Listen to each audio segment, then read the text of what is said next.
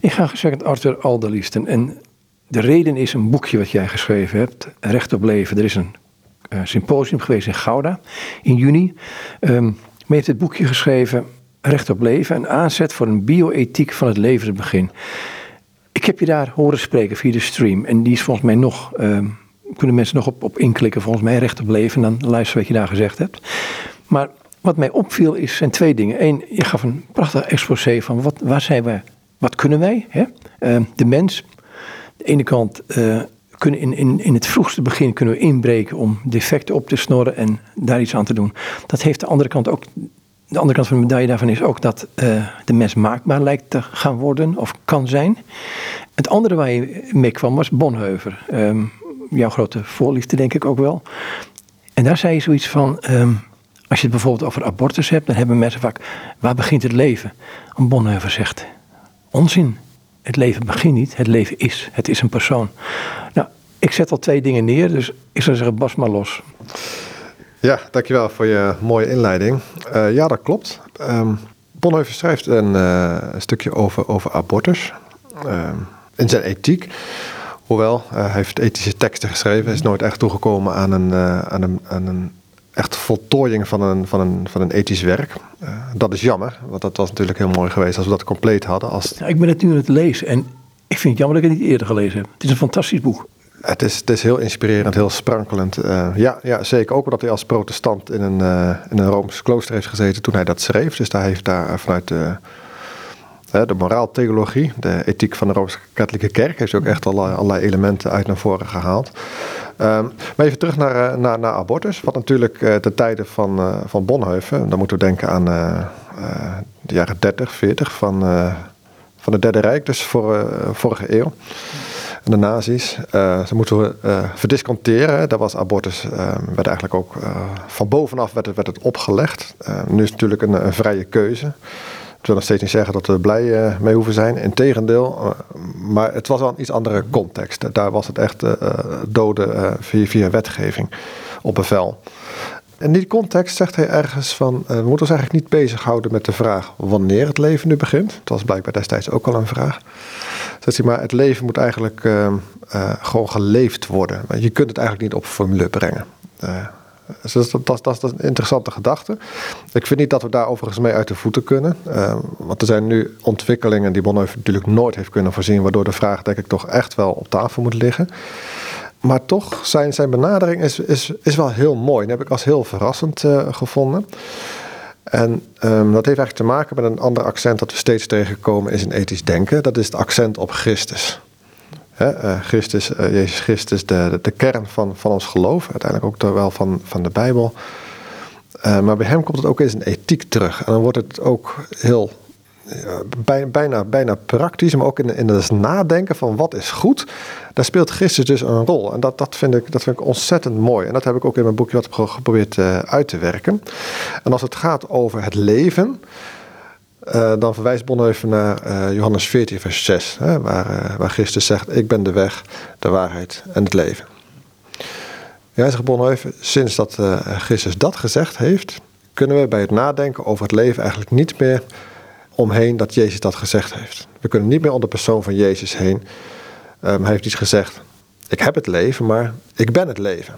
En, en, en ergens in die omgeving, en hij zegt het vaak is een ethiek, zegt hij, Jezus Christus is eigenlijk wezen, doel en oorsprong van het leven. Hij, werkt dat niet, niet, niet echt verder uit, uh, maar, maar dat zijn drie ja, hele, hele, hele stevige typeringen. Wat ook eigenlijk met zich meebrengt dat het leven dus ontzettend waardevol in zichzelf is. Want Christus is zelf wezen, oorsprong en doel. Het zegt ook iets van de richting van het leven, de intentie van, van het leven. Dus dat zegt, wat mij betreft, ook iets hoe we met het leven om moeten gaan. Uiterst voorzichtig, want het behoort eigenlijk Christus toe. En dat is ook een, een, een, een manier van, van denken, via, via wat, wat denkslagen, eh, laten we die maar even overslaan. Maar dat het er eigenlijk op neerkomt dat als je ingrijpt in het leven, het leven ook dood, dan voorkom je ermee dat een mens tot Christus kan komen.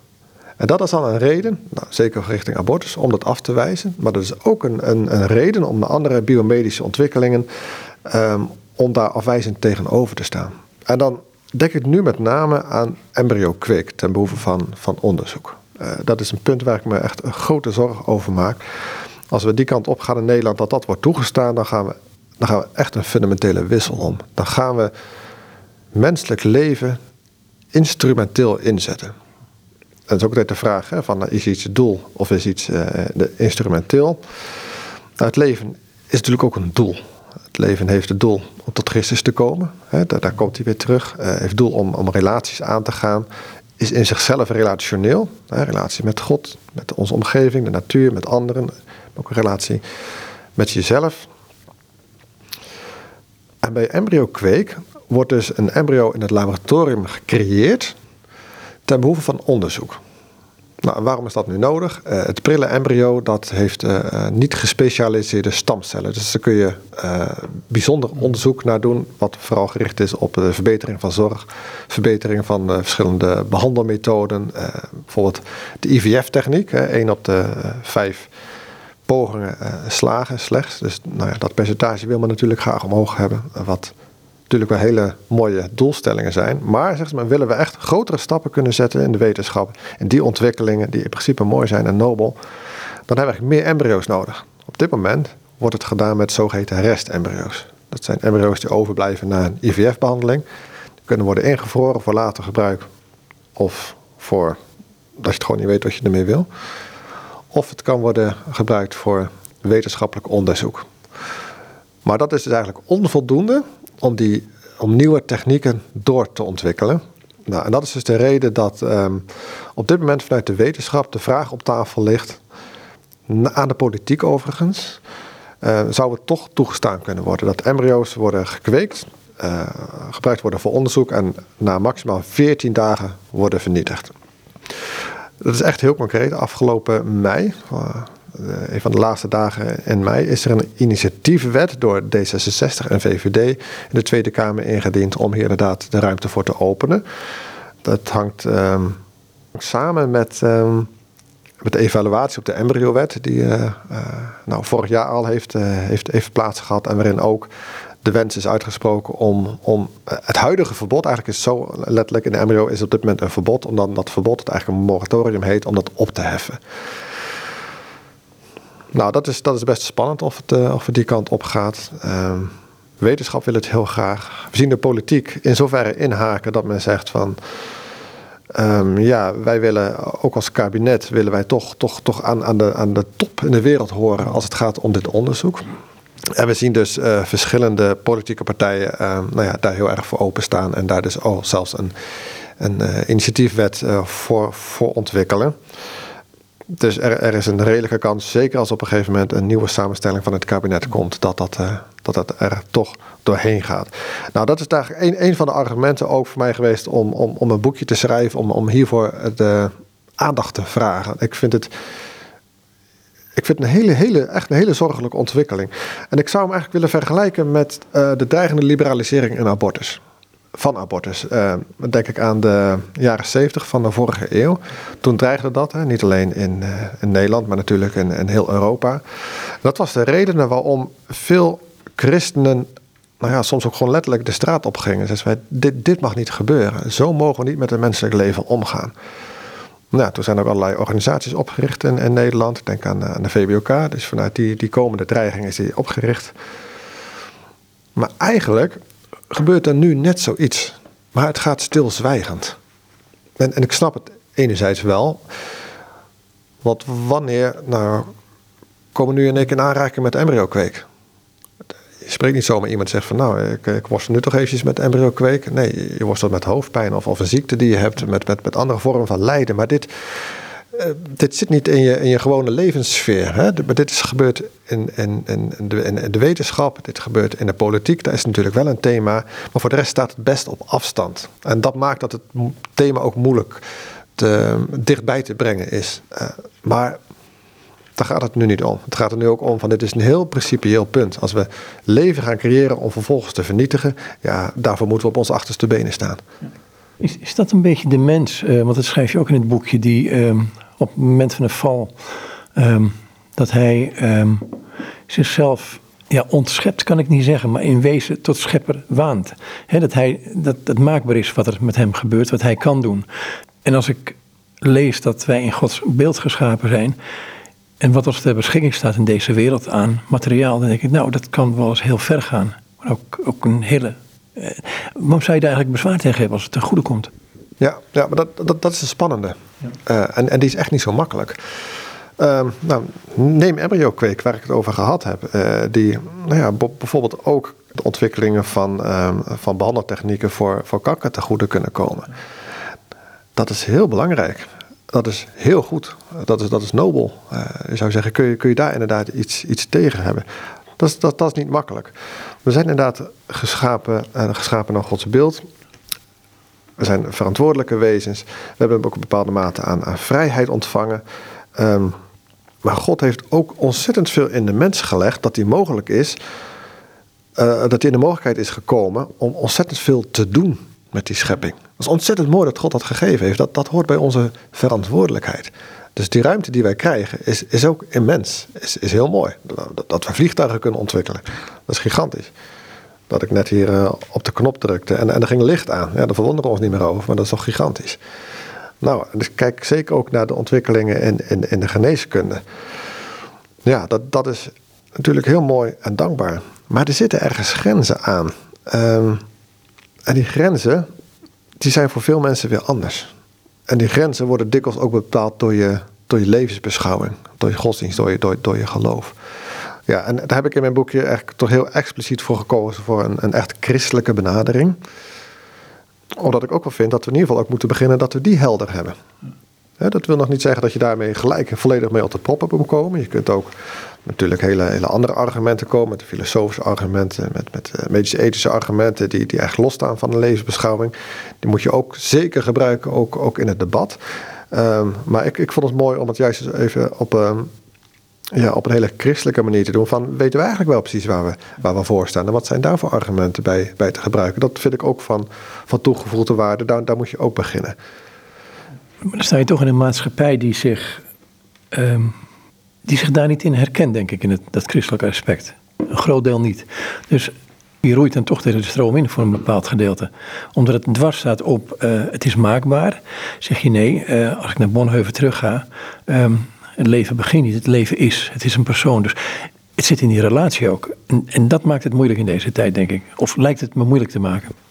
Ja, mensen zullen de, de redenatie niet, uh, niet altijd uh, zo, zomaar, zomaar begrijpen. Maar ik, uh, we horen natuurlijk veel. Hè? Mensen die zeggen van ja, je moet niet zozeer maar gelijk met je christelijke boodschap komen. Dat hebben mensen wel gehoord. Laat, laat, laat dat nu maar gaan. Die tijd hebben we gehad. Um, en daar geloof ik dus niet in. Hmm maar ook vanuit een andere benadering. Ik denk dat het onze verantwoordelijkheid blijft om ook vanuit de Bijbel te zeggen wat God van ons vraagt, hoe we daarmee om willen gaan. Juist omdat we in een pluriforme uh, cultuur leven, waarin iedereen mag zeggen wat hij vindt, dan moeten wij niet ongeveer als, als enige zeggen van ja, wij als christenen doen dat maar niet. Wij zoeken de, de uh, nou ja, de algemene overeenkomsten. laten we daar maar op inhaken. Mag ook, maar het moet niet ten koste gaan van dat je vertelt waar, waar, zit nou eigenlijk onze drijfveer? Waar zit onze overtuiging? Waar komt die vandaan? Ook wordt die krankzinnig gevonden. Blijf hem toch benoemen. En dat is eigenlijk ook de oproep die ik heb aan de kerken. Van alsjeblieft, doe, dat. En tegelijkertijd zeg ik daarmee ook weer, dat moet natuurlijk niet het enige zijn. Je moet ook vanuit uh, um, mensen, uh, organisaties uh, vanuit het maatschappelijk middenveld moet je dat op een andere manier doen. Um, christelijke wetenschappers, dus die doen het natuurlijk ook op een eigen manier. Die hebben op een eigen manier dan weer invloed. Politieke partijen, die zoeken natuurlijk wat meer de consensus. Maar als je het speelveld zo bekijkt, dan zou je zeggen, ja, dan moet er dus ook nog een partij zijn die wel zegt gewoon, maar dit, dit vraagt God van ons en daarom staan wij daarvoor. En dat is eigenlijk een rol die ik heel sterk toedicht aan, aan de kerken. En dat, daar wil ik ze echt toe uitdagen om daar meer, meer mee te doen. Met andere woorden, ze doen niet genoeg op dit moment zeker niet. Nee, nee, nee. De kerken zijn, uh, zijn stil, ook op dit punt. Logisch, hè? want nou ja, we hadden het net al over gehad, het komt niet zo snel in je, in je levenssfeer. Maar dit gaat natuurlijk wel komen. Als er straks allemaal andere technieken zijn hoe je kunt omgaan met, uh, met onvruchtbaarheid bijvoorbeeld. Dan kan een predikant kan er zomaar mee, mee te maken krijgen in zijn, in zijn kerk dan moet je dus wel een antwoord hebben. Dan moet je er toch wel iets van afweten. Dan moet je een, een, een uitgangspunt hebben. Ehm, dus het, deze vragen gaan wel komen. Maar los van deze vragen, we, staan nu ook op het punt dat daar morele keuzes ingemaakt gaan worden voor de wetgeving. Er zijn geen neutrale keuzes. Als de overheid zegt van wij staan embryo-kweek toe, dat is niet neutraal. Dan, dan heb je een heel duidelijk uitgangspunt. Daarmee zeg je van wij vinden het akkoord dat menselijk leven instrumenteel wordt ingezet. Dat is nogal wat.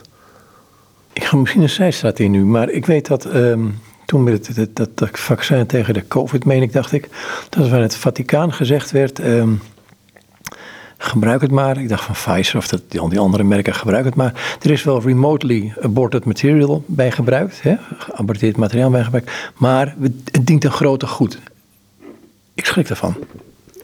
Ja, dat is, een, uh, dat is inderdaad een afweging. Ja. Dit is ethiek, hè? de verschillende waarden die je, die, die je afweegt. Er zit ook wel een onderscheid in van... Um, ga je nieuw uh, embryo uh, weefsel gebruiken? Of, of is het, zijn die medicijnen al um, um, ontwikkeld op bestaande, bestaand weefsel? Dat, dat, vind ik nog, dat vind ik nog wel een, een nuance die je kunt maken hierin. Nou, het is geaborteerd weefsel. Dus of het nou nu gebeurt of 20 jaar geleden is gebeurd, denk ik, ja, maar waar, ligt, waar, zijn we op een hellend vlak? Ja, dat zou kunnen. Ik, heb in de ethiek geleerd dat je nooit zo snel over hellende vlakken moet spreken. Uh, tegelijkertijd uh, zie je dat het ene wel het, andere oproept en, en natuurlijk vervolgstappen gezet wordt. Hoor. Dat, is, uh, dat is zeker waar. En, en daarom is het ook belangrijk om, om wat terug te gaan naar de fundamentele noties. Van wat is het leven? Um, en, en, en hoe willen we daar eigenlijk met elkaar mee omgaan? Dus, dat is dus urgent. Dus nou ja, en, en eigenlijk komen die vragen nu weer naar boven in het licht van deze, deze nieuwe technieken. Als ik een voorbeeld mag geven. Um, in vitro gametogenese, een uh, ingewikkelde naam. Uh, dus het woordje gamete in. En gamete betekent uh, geslachtscel. Dat betekent dat je van ehm, gewone huidcellen, dat je die kunt terugbrengen naar, um, naar niet gespecialiseerde cellen. En die kun je vervolgens weer aanzetten tot geslachtscellen, dus tot een zaadcel en een eicel. Die kun je vervolgens weer met elkaar laten samensmelten. Dus bevruchten, zodat er dus ook weer nieuw leven ontstaat. Nou, dit opent natuurlijk een legio aan mogelijkheden. Dus dat betekent dat ik uh, bijvoorbeeld uh, huidcellen van mezelf, nou, de ene cel maak ik, uh, of tenminste, daar zou je in het laboratorium een zaadcel van maken, van een andere cellen en eicellen. Dat laat je met elkaar bevruchten, zodat je een, een genetisch eigen kind krijgt. Dat zou je zelf bevruchten kunnen noemen.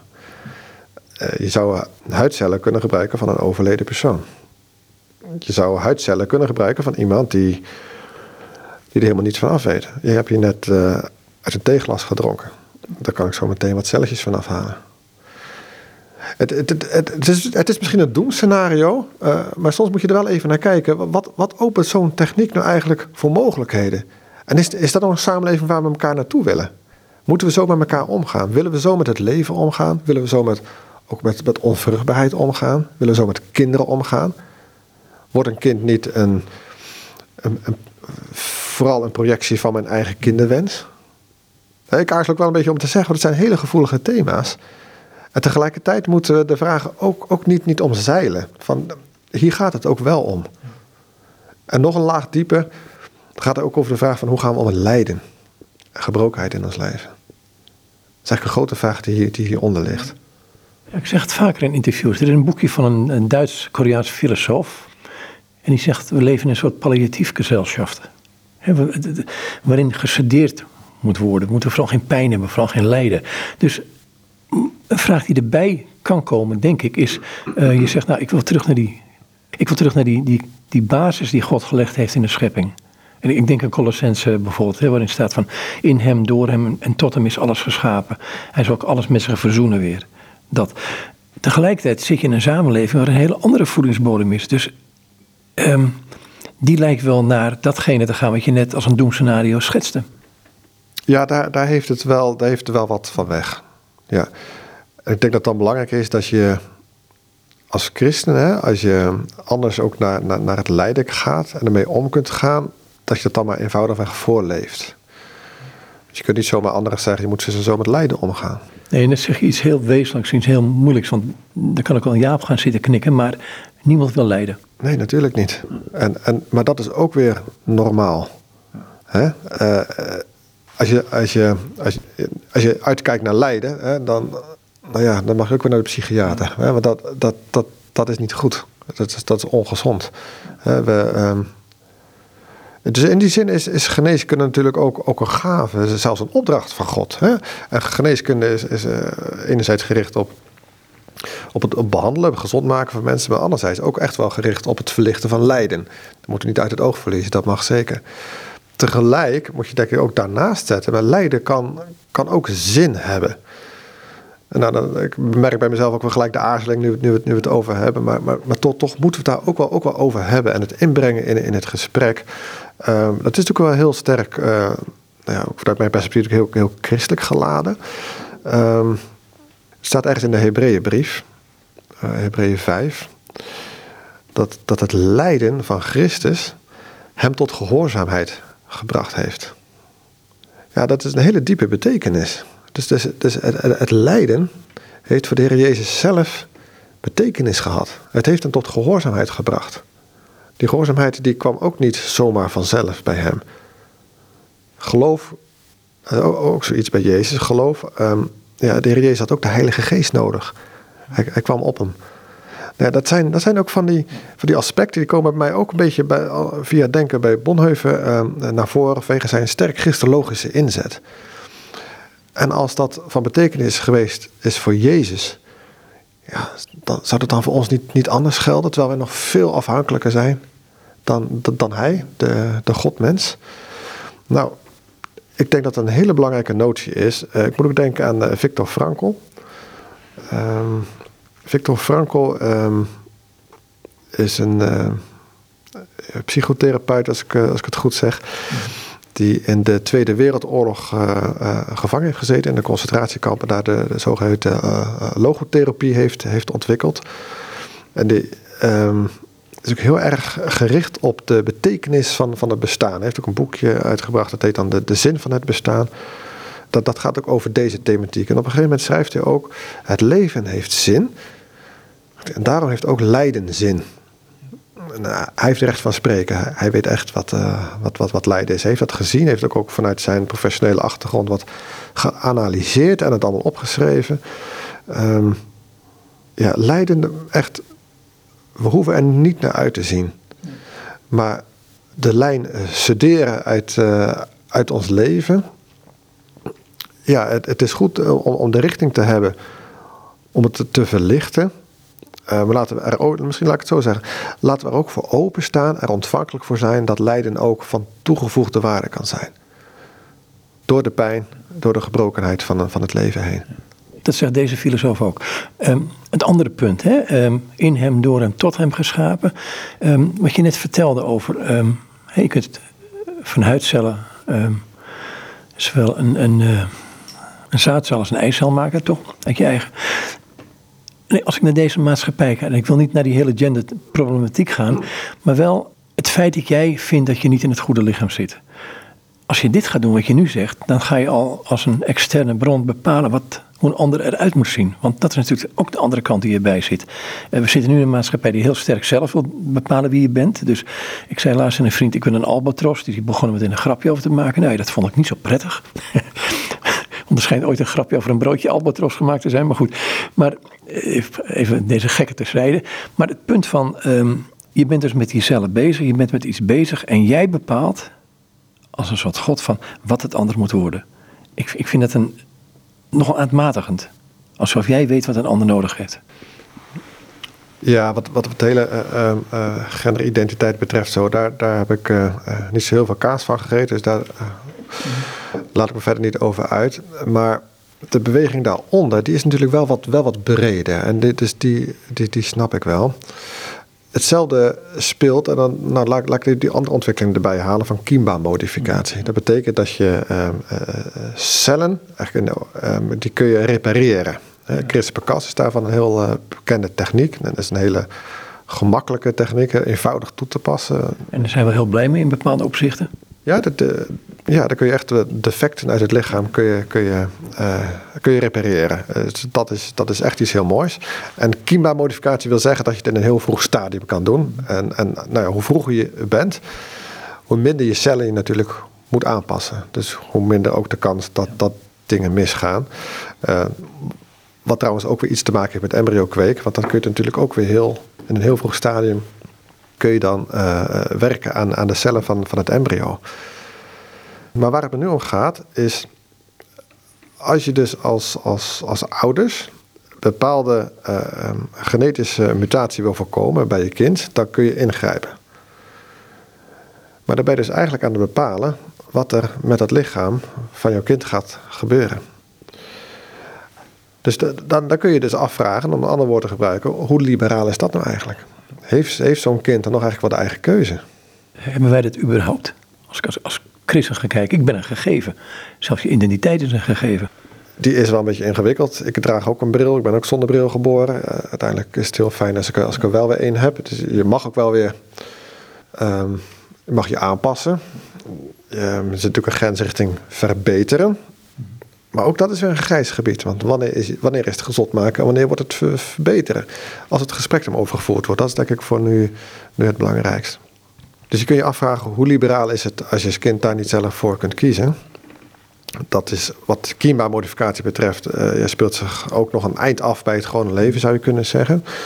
Maar wil ik nog op iets anders wijzen. Dat is eigenlijk een hele commerciële handel die op dit moment wereldwijd gaande is. De handel in zaadcellen, in eicellen. Dat betekent dus dat je echt wel naar, naar een samengesteld kind toe kunt gaan. Uh, bijvoorbeeld uh, uh, zaad uit Denemarken is, schijnt heel goed te zijn.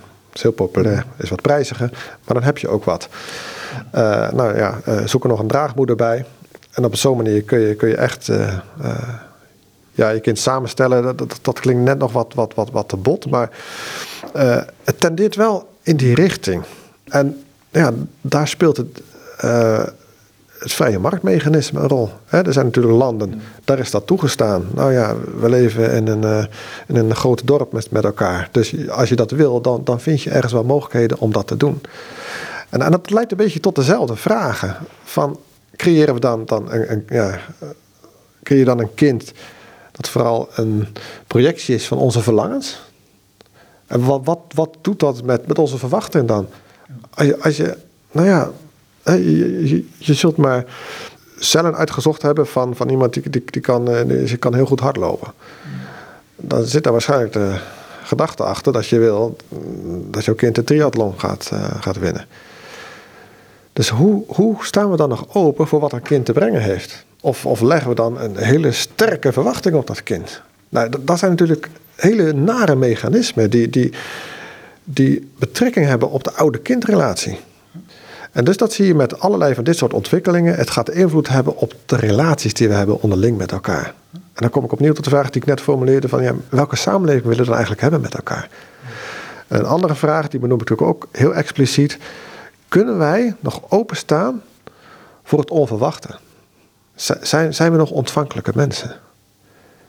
En ik denk dat dat een van de basisantwoorden is richting deze ontwikkelingen. Het gaat ook over lijden durven wij dat dan nog onder ogen te zien? Laat het maar komen, het leven zoals het gegeven wordt. Augustinus die heeft het ergens over, over uh, de dood die van elders komt. Van, we hebben niet invloed op, het, het komt van elders. Uh, laat het ook maar naar het begin van het leven trekken. kunnen wij daarvoor openstaan? Het is het, het leven dat, dat van elders komt. En kunnen wij daar ontvankelijk voor zijn met, met alle ongemak die dat, die dat met zich heeft? Of willen we net als het leven sederen, zoals je dat noemde, willen we ook al, al dat ongemak al bijvoorbeeld zoveel mogelijk sederen. Nogmaals, het is geweldig als dat kan, maar uh, laat, laat het niet in de weg komen van die ontvankelijkheid. En dan zit je eigenlijk ook op het maakbaarheidsdenken. Maakbaarheidsdenken, dat, dat duwt dat, dat ontvankelijkheids, die, die ontvankelijkheidshouding duwt het eigenlijk wat weg. Oké, ik ga even naar, naar ehm, die maakbaarheid, maar ook het feit um, waar ik zelf in geloof, uh, wat ik in de Bijbel zie, dat je gegeven bent. Ehm, als ik Psalm 139 lees, dan denk ik ja, wonderlijk. Je bent een gegeven. Zelfs mijn identiteit als christen is niet iets wat ik bereikt heb, maar het is een gegeven. Het is mijn gegeven. Dan ga ik naar het boek toe, Recht op Leven. Bonhoeffer, die gaat er ook op in, op de manier van uh, wat hij doet met, er is een toekomstig en een huidig leven. Um, wat komen gaat en wat nu is. Die moeilijkheid. Dus je bent, je bent een, een uh, ik zal maar even in mijn eigen woorden vertellen wat in de Colossensebrief staat. Je bent een, uh, Je bent een heilige in Christus, in Colosse. Dus je bent zowel in Christus als in deze wereld. Ik dacht dat hij op een gegeven moment ook duidt op van... Er mensen denken, nou oké, ehm, ik hoef er nou niet zo druk op te maken... want uiteindelijk, uh, ik ben tot bekering gekomen, het gaat goed met mij. Er komt een hemel. Daar heeft hij een bepaalde relatie mee met het... Hij noemt het in het boek uh, wat je schrijft, het laatste en het voorlaatste. Heeft dat hier betrekking op? Ja, zegt hij. Um, het laatste, daar geloven we in. Het voorlaatste is de wereld waarin we leven. En uh, daarmee zegt hij niet het laatste, dat is, dat, dat is de toekomst, dat is de eschatologie. Dat niet, maar dat gaat over de rechtvaardigmaking. Dat gaat erover over, over het geloof in, in, God en zijn Zoon en Heilige Geest. Het voorlaatste, dat heeft eigenlijk betrekking op ons handelen. En dat voorlaatste moet wegbereidend zijn voor het laatste. En, en dat bepaalt eigenlijk de relatie tussen het laatste en het voorlaatste. Um, dus de vraag is dan, is, is hoe wij handelen, is dat wegbereidend? Is dat, um, nou ja, opent dat de weg naar Christus? Of sluit het juist de weg naar Christus? Laat ik me even zo, zo, zo eenvoudig stellen. Ik denk, denk dat daar ongeveer uh, op neerkomt. Wat ik ook interessant vind, uh, wat Bonhoeffer schrijft, uh, want het is vaak ook over ja, het koninkrijk is er wel, het is er nog niet. Kerk, wereld, hoe gaan we daarmee om? Heel die spanningen. Um, wat ik sterk van Bonhoeffer heb geleerd, en uh, er is ook iets op af te doen hoor, maar het is een interessante accent, is dat hij zegt van, we moeten even wat minder denken in die verschillende ruimte, maar laten we denken vanuit één Christuswerkelijkheid. En dat, dat vind ik wel een, een, een, mooie gedachte. Ook, ook voor het werk dat ik doe bij Schreeuw Leven bijvoorbeeld. Um, we zijn dan snel geneigd om te denken van nou, we hebben de kerk en we, en we hebben de wereld. Of we hebben, uh, we hebben christenen en we hebben niet-christenen. En uh, bij de eerste hoort dan God, bij de tweede niet. En dan ga je heel, ook heel sterk antithetisch denken. Uh, voor je het weet ga ik denken dat iedereen tegen je is. Maar, en dat vind ik eigenlijk kwalijk hè. Je kunt wel eens vergeten dat God ook gewoon buiten de kerk en buiten de christenen werkt en leeft en woont. Het is ook zijn schepping. Ja, ik wou zeggen, Psalm 139 is niet alleen voor christenen. Nee, bijvoorbeeld. bijvoorbeeld is daar, daarin komt hij eigenlijk heel sterk naar. Nou ja, de, de, hele wereld is door God geschapen. De wereld is ook gevallen. Vervolgens is de kerk gekomen. Maar laten we daarmee niet de gevallen schepping ook, ook afschrijven. Ik moet toch die, ik haal hem er even bij, Johannes 3,16. Als zo lief heeft God de wereld het is nogal wat. En diezelfde wereld die hij met zich wil verzoenen in wezen, als ik de Colossense goed begrijp. Ja, dat is geweldig. Ja, ja. Uh, verder te gaan. Dus het gaat gewoon om deze, deze totale wereld. Hè? Wat, ik, wat ik net zei met Psalm 139. Het is, hij heeft dus de mens op het oog en hij heeft er ook. Um, het is in wezen zijn eigendom ook nog een keer. Alleen dat betwisten wij ook nogal stevig. Uh, soms ook door het gedrag uh, wat, we betonen, wat wij vertonen. Ja, beslist laten we ook hand in eigen boezem steken. Wat ik altijd wel heel uh, sprekend Bijbels beeld vind, is dat van. Paulus komt ook mee in Romeinen. De pottenbakken.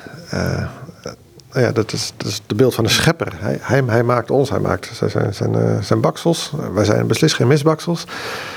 Maar hij, hij mag doen met ons wat, wat, wat hij wil. Dat, dat, dat, dat gaat wel heel diep daar, daar, daarmee, maar je dat kan zien, beleid je ook iets als het misgaat in het leven. Ook met lijden en gebrokenheid.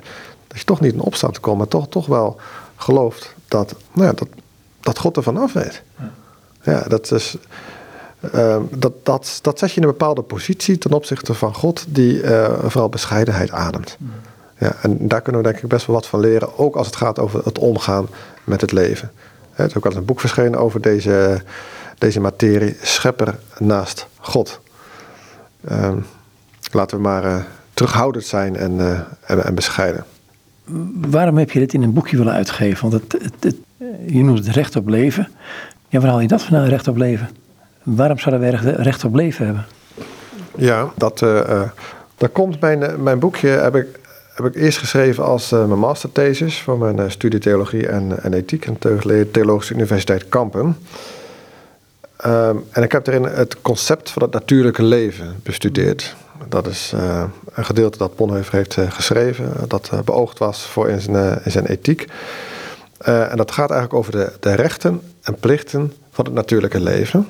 heeft het niet kunnen voltooien, dus hij heeft alleen het eerste deel kunnen schrijven, recht. Dus de rechten van het natuurlijke leven. Um, nou, dus daar, is, daar komt het vrij gemakkelijk vandaan dat ik daarom gekozen heb om uh, de titel zo, zo te noemen. Recht op leven. En Bonhoeffer benadrukt ook dat met het leven zelf het recht op leven geschonken is door God. Anders gezegd van, doordat het leven geschonken is, hebben we recht op leven. Je zou het ook wat kunnen uh, misverstaan. Je zegt van, hé, hey, maar we hebben recht, recht, recht, op ons leven. Hè. Dan kom je heel, denken vanuit, vanuit, heel sterk vanuit het rechte denken. Zo is dit niet bedoeld. Dit is echt bedoeld van, maar God heeft het leven gegeven... en daarmee ook een bepaalde verantwoordelijkheid bij ons neergelegd... om daar goed mee om te gaan. Nou, gebruik in het boekje een, term die um, zowel heel negatief als positief gebruikt kan worden. Dus, um, staat boven een van de concentratiekampen, een van de ingangen, ieder het zijne. Dat, en dat legt hij uit. Dat gebruik je in het boekje ook. Nou, Bonhoeffer gebruikt het en daarom uh, gebruik ik het ook. Uh, het gaat om het uh, suum qui.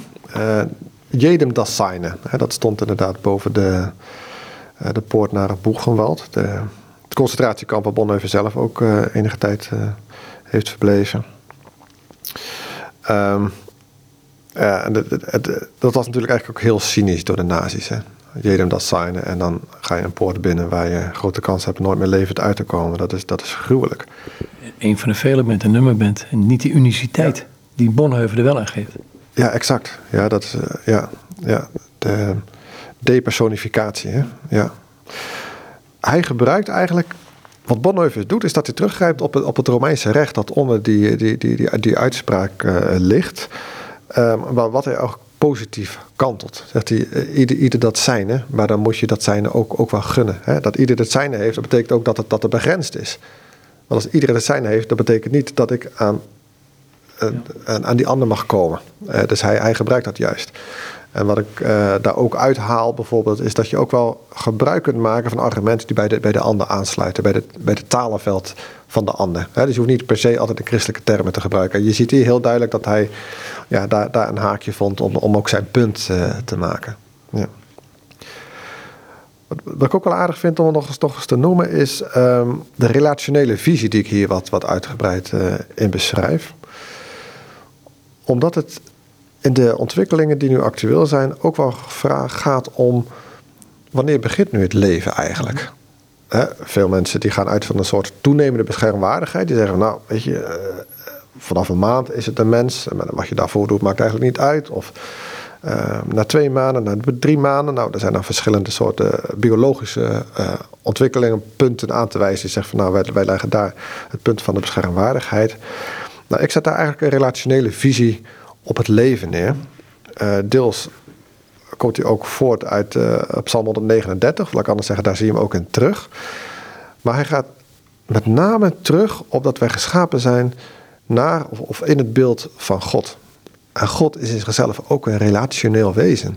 Hij verhoudt zich tot zichzelf als de drie enige God. En het is wel vaker gebruikelijk in de gereformeerde theologie om daaruit ook af te leiden dat dus de mens ook een relationeel wezen is. En het begint voor mij de laatste jaren steeds sterker te leven wat, wat, dat, wat dat impliceert. Dat we een relationeel wezen zijn. Uh, dat, zijn we, dat zijn we dus allemaal, krachtens de schepping. Of je nu uh, christen bent of niet, waar je woont, hoe, hoe je eruit ziet, maakt allemaal niet uit. Je bent een, een, een relationeel wezen. Je bent gericht op de ander. Je hebt anderen ook nodig. Dat is ook iets moois, hè? Dat je dus afhankelijk mag zijn van elkaar. Daar kunnen we zoveel van leren dat is dus niet gekomen na de zondeval. Zodat het negatief zou zijn. Nee, je mag gewoon een ander om hulp vragen. Dat, dat deed Adam en Eva in het paradijs al. Ze waren afhankelijk van elkaar. Zo heeft God ons, ons gemaakt. Maar we zien dus eigenlijk dat je in relatie staat tot God. Sowieso. Tot de relatie van, van, uh, de relatie van God, schepsel, schepper, schepsel. Maar ook relatie tot elkaar, tot andere mensen. Maar ook relatie tot, tot de natuur. Maar je kunt ook wel zeggen een relatie tot jezelf. Dus eigenlijk vier, vier typen relaties. En wat volgens mij een bijbelse opdracht is, eh, rentmeesterschap, maar ook, eh, ook het woordje shalom. Tot bloei brengen, tot harmonie, tot, tot eenheid, tot bestemming. Dat zit eigenlijk ook in dat relationele. Daar zit ook al een bestemming in. Dus de, de mens komt tot zijn bestemming als hij, als hij in God gelooft. Als hij in contact is, de verbinding staat met de anderen. Als hij een bepaalde eenheid vormt met zichzelf. Dat, dat, dat, dat, zou je dus kunnen zeggen, dat is ook ongeveer het doel van het leven. Nou, en als je dan zo teruggaat naar bepaalde ontwikkelingen, nou, laat ik weer embryo-kweek uh, noemen, waar het leidt tot vernietiging, dan staat het dus haaks op de bedoeling van het leven, op het karakter van het leven. En daarom moeten we het afwijzen.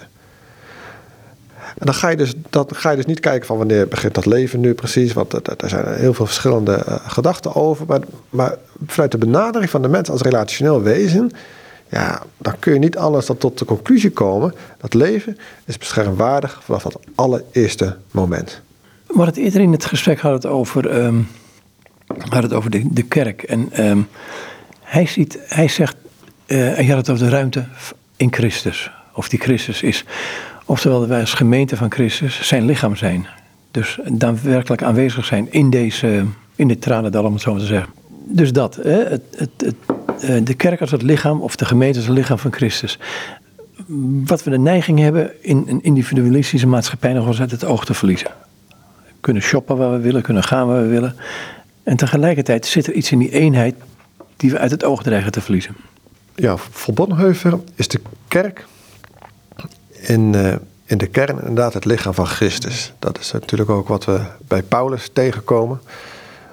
Wat we denk ik in ons tegenwoordige kerkbegrip een beetje kwijt zijn. Daar kijken we vaak naar de kerk als, als instituut. Maar de kerk is het lichaam van, van Christus. Het bestaat uit de, de kinderen van God, de mensen die, die, die, die in hem geloven. Die vormen samen, samen de kerk. En Christus is het hoofd van de kerk. Wij zijn het lichaam. Uh, Bonhoeffer die gaat eigenlijk nog, nog een stapje verder. En hij zegt, um, hij is erop gepromoveerd. Hè? De, de, zijn kernstelling in zijn promotieonderzoek is eigenlijk eh, Christus als gemeinde existerend. Uh, een beetje moeilijk te vertalen, maar ik denk dat het best in de buurt komt van um, um, de kerk is als bestaansvorm van, van Christus. Mm -hmm. Ga, gaat heel ver. Gaat heel ver. Um, maar, maar hij vindt ook dat de kerk Christus representeert op aarde. Maar of je het nou ook lichaam noemt, of, of meer dat Christus representeert. De kerk is wel zichtbaar.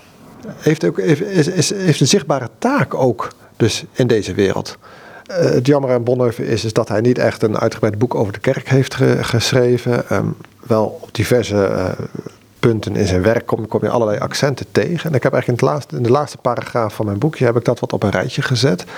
Uh, en geprobeerd toch tot een soort eenheid te, te, brengen. Um, en wat ik daar ontzettend mooi in vind, ik, ik noem het eigenlijk gewoon verschillende bouwstenen van, van de kerk. Want an, an, anders zou ik te veel zeggen dat Bonhoeffer het gezegd heeft. Maar dit is echt wel ook wel mijn interpretatie. Maar wat ik heel boeiend vind aan hem is de balans die hij eigenlijk weet aan te brengen. Die, uh, enerzijds is de kerk ook gericht op het bewaren van een geheim. Zegt hij, zoals, zoals vroeger in de vroege kerk moesten de uh, nou ja, de mensen die nog geen beleidenis gedaan hadden, die moesten de kerk verlaten op het moment dat volgens mij de geloofsbelijdenis werd uitgesproken, dat onze vader werd gebeden en dat, uh, dat de avondmaal of de Eucharistie werd gevierd. Dat we hebben een geheim te bewaren en uh, we moeten niet de parelen voor de zwijnen werpen. Dus, dus er zit een hele bevindelijke of pietistische element in om echt gericht te zijn op, op Christus. Zegt hij, dan hoeven we ook niet na te denken over onze boodschap naar buiten toe dan mogen we gewoon in relatie tot, tot Christus staan en, en, en, en ons, ja, ja, ons, ons door Hem laten vullen, door het werk van, van, van de geest. Um, bijna de, de, spanning van je moet altijd maar naar buiten toe gaan, die, die, die is er dan bij Hem niet. Dat, dat, dat, heeft, dat heeft iets heel moois. En aan de andere kant zegt hij ook, ja, maar de kerk is ook zichtbaar aanwezig in de wereld. En hoe? is iets heel moois ook dat hij zegt van ja, de kerk moet er zijn voor anderen. Waarom? Dat Jezus was de mens die er was voor anderen. En daarom geldt het ook de kerk die er voor de ander moet zijn. Ja, en, dat geeft een bepaalde, bepaalde balans. Um, dat, dat je enerzijds kerk bent die, die echt wel gericht is op God. En, en, op een hele luisterende houding van nou, wat, wat, wat, wat is Gods stem nou vandaag? Wat wil hij vandaag tegen, tegen ons zeggen? Maar anderzijds ook echt wel in de maatschappij aanwezig zijn en daar um, Ja, en daar, daar er te zijn voor de ander. En dat kan op, uh, dat kan op verschillende manieren. Door, door echt door goed te doen. Door barmhartig te zijn voor, voor de ander. Maar bijvoorbeeld richting de overheid.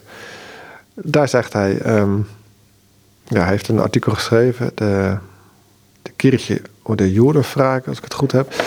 Uh, nou, dat is redelijk bekend van Bonhoeffer. Uh, hij geeft er eigenlijk drie opties hoe de kerk zich ook kan verhouden tot, tot de overheid.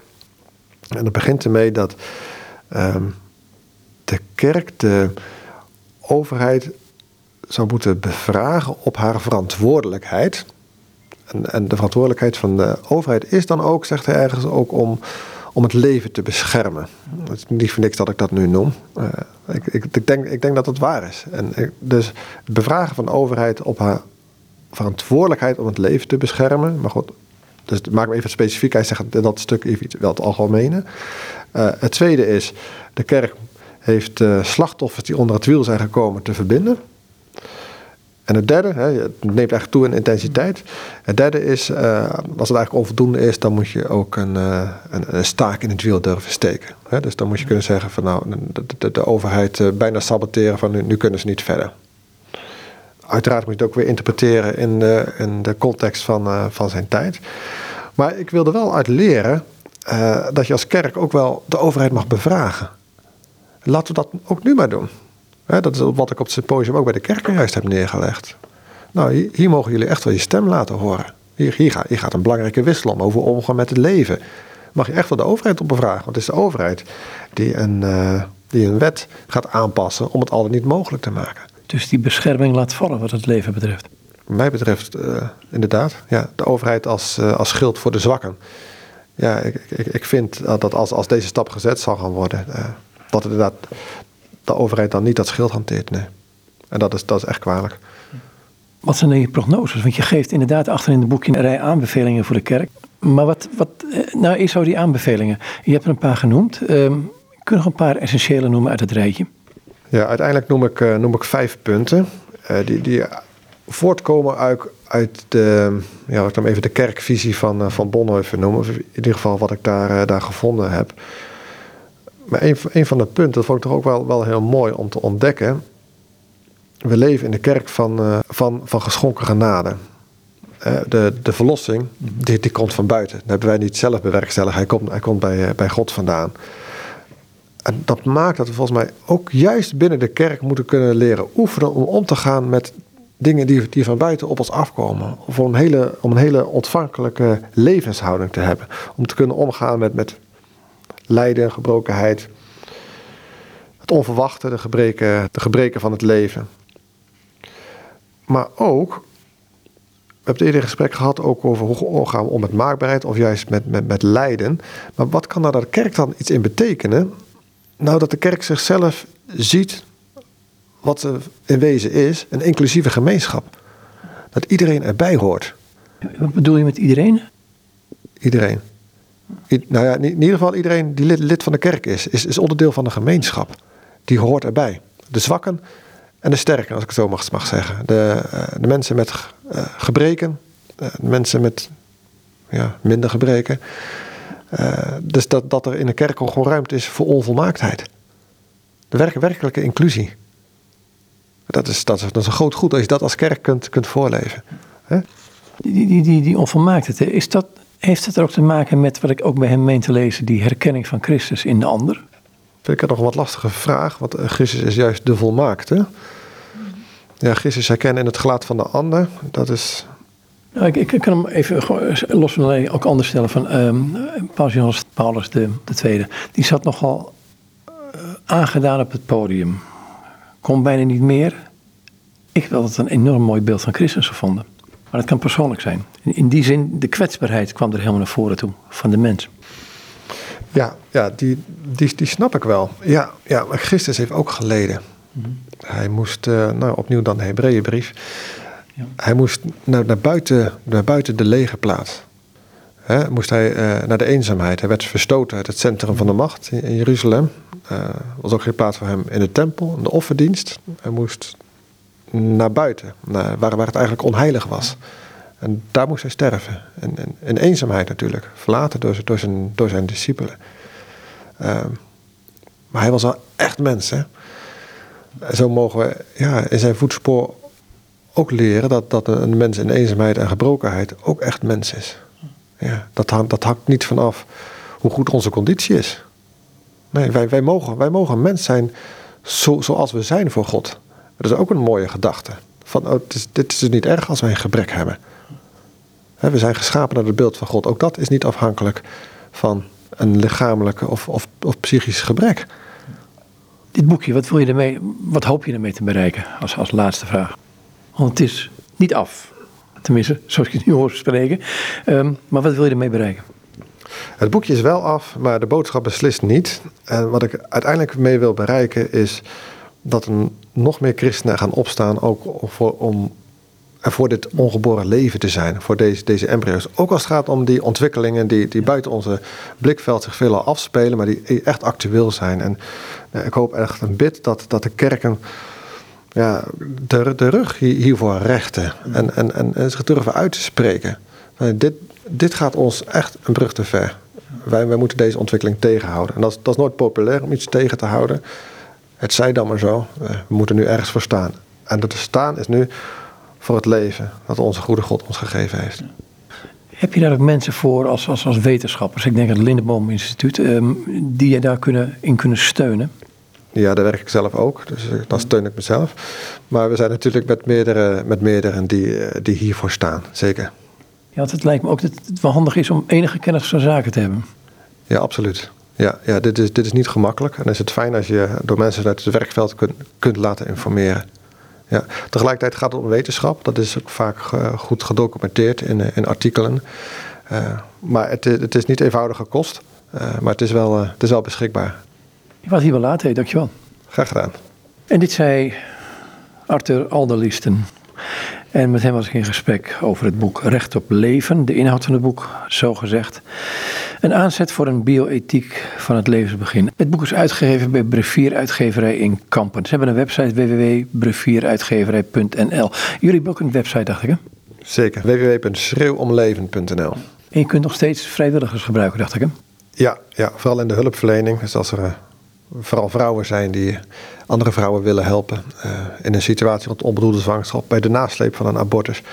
Ja, neem alsjeblieft contact met ons op. Uh, we hebben mensen heel hard nodig. Ja. Nou, nogmaals dankjewel. Graag gedaan. En tot slot is hij dus Arthur Alderliesten en met hem was ik in gesprek.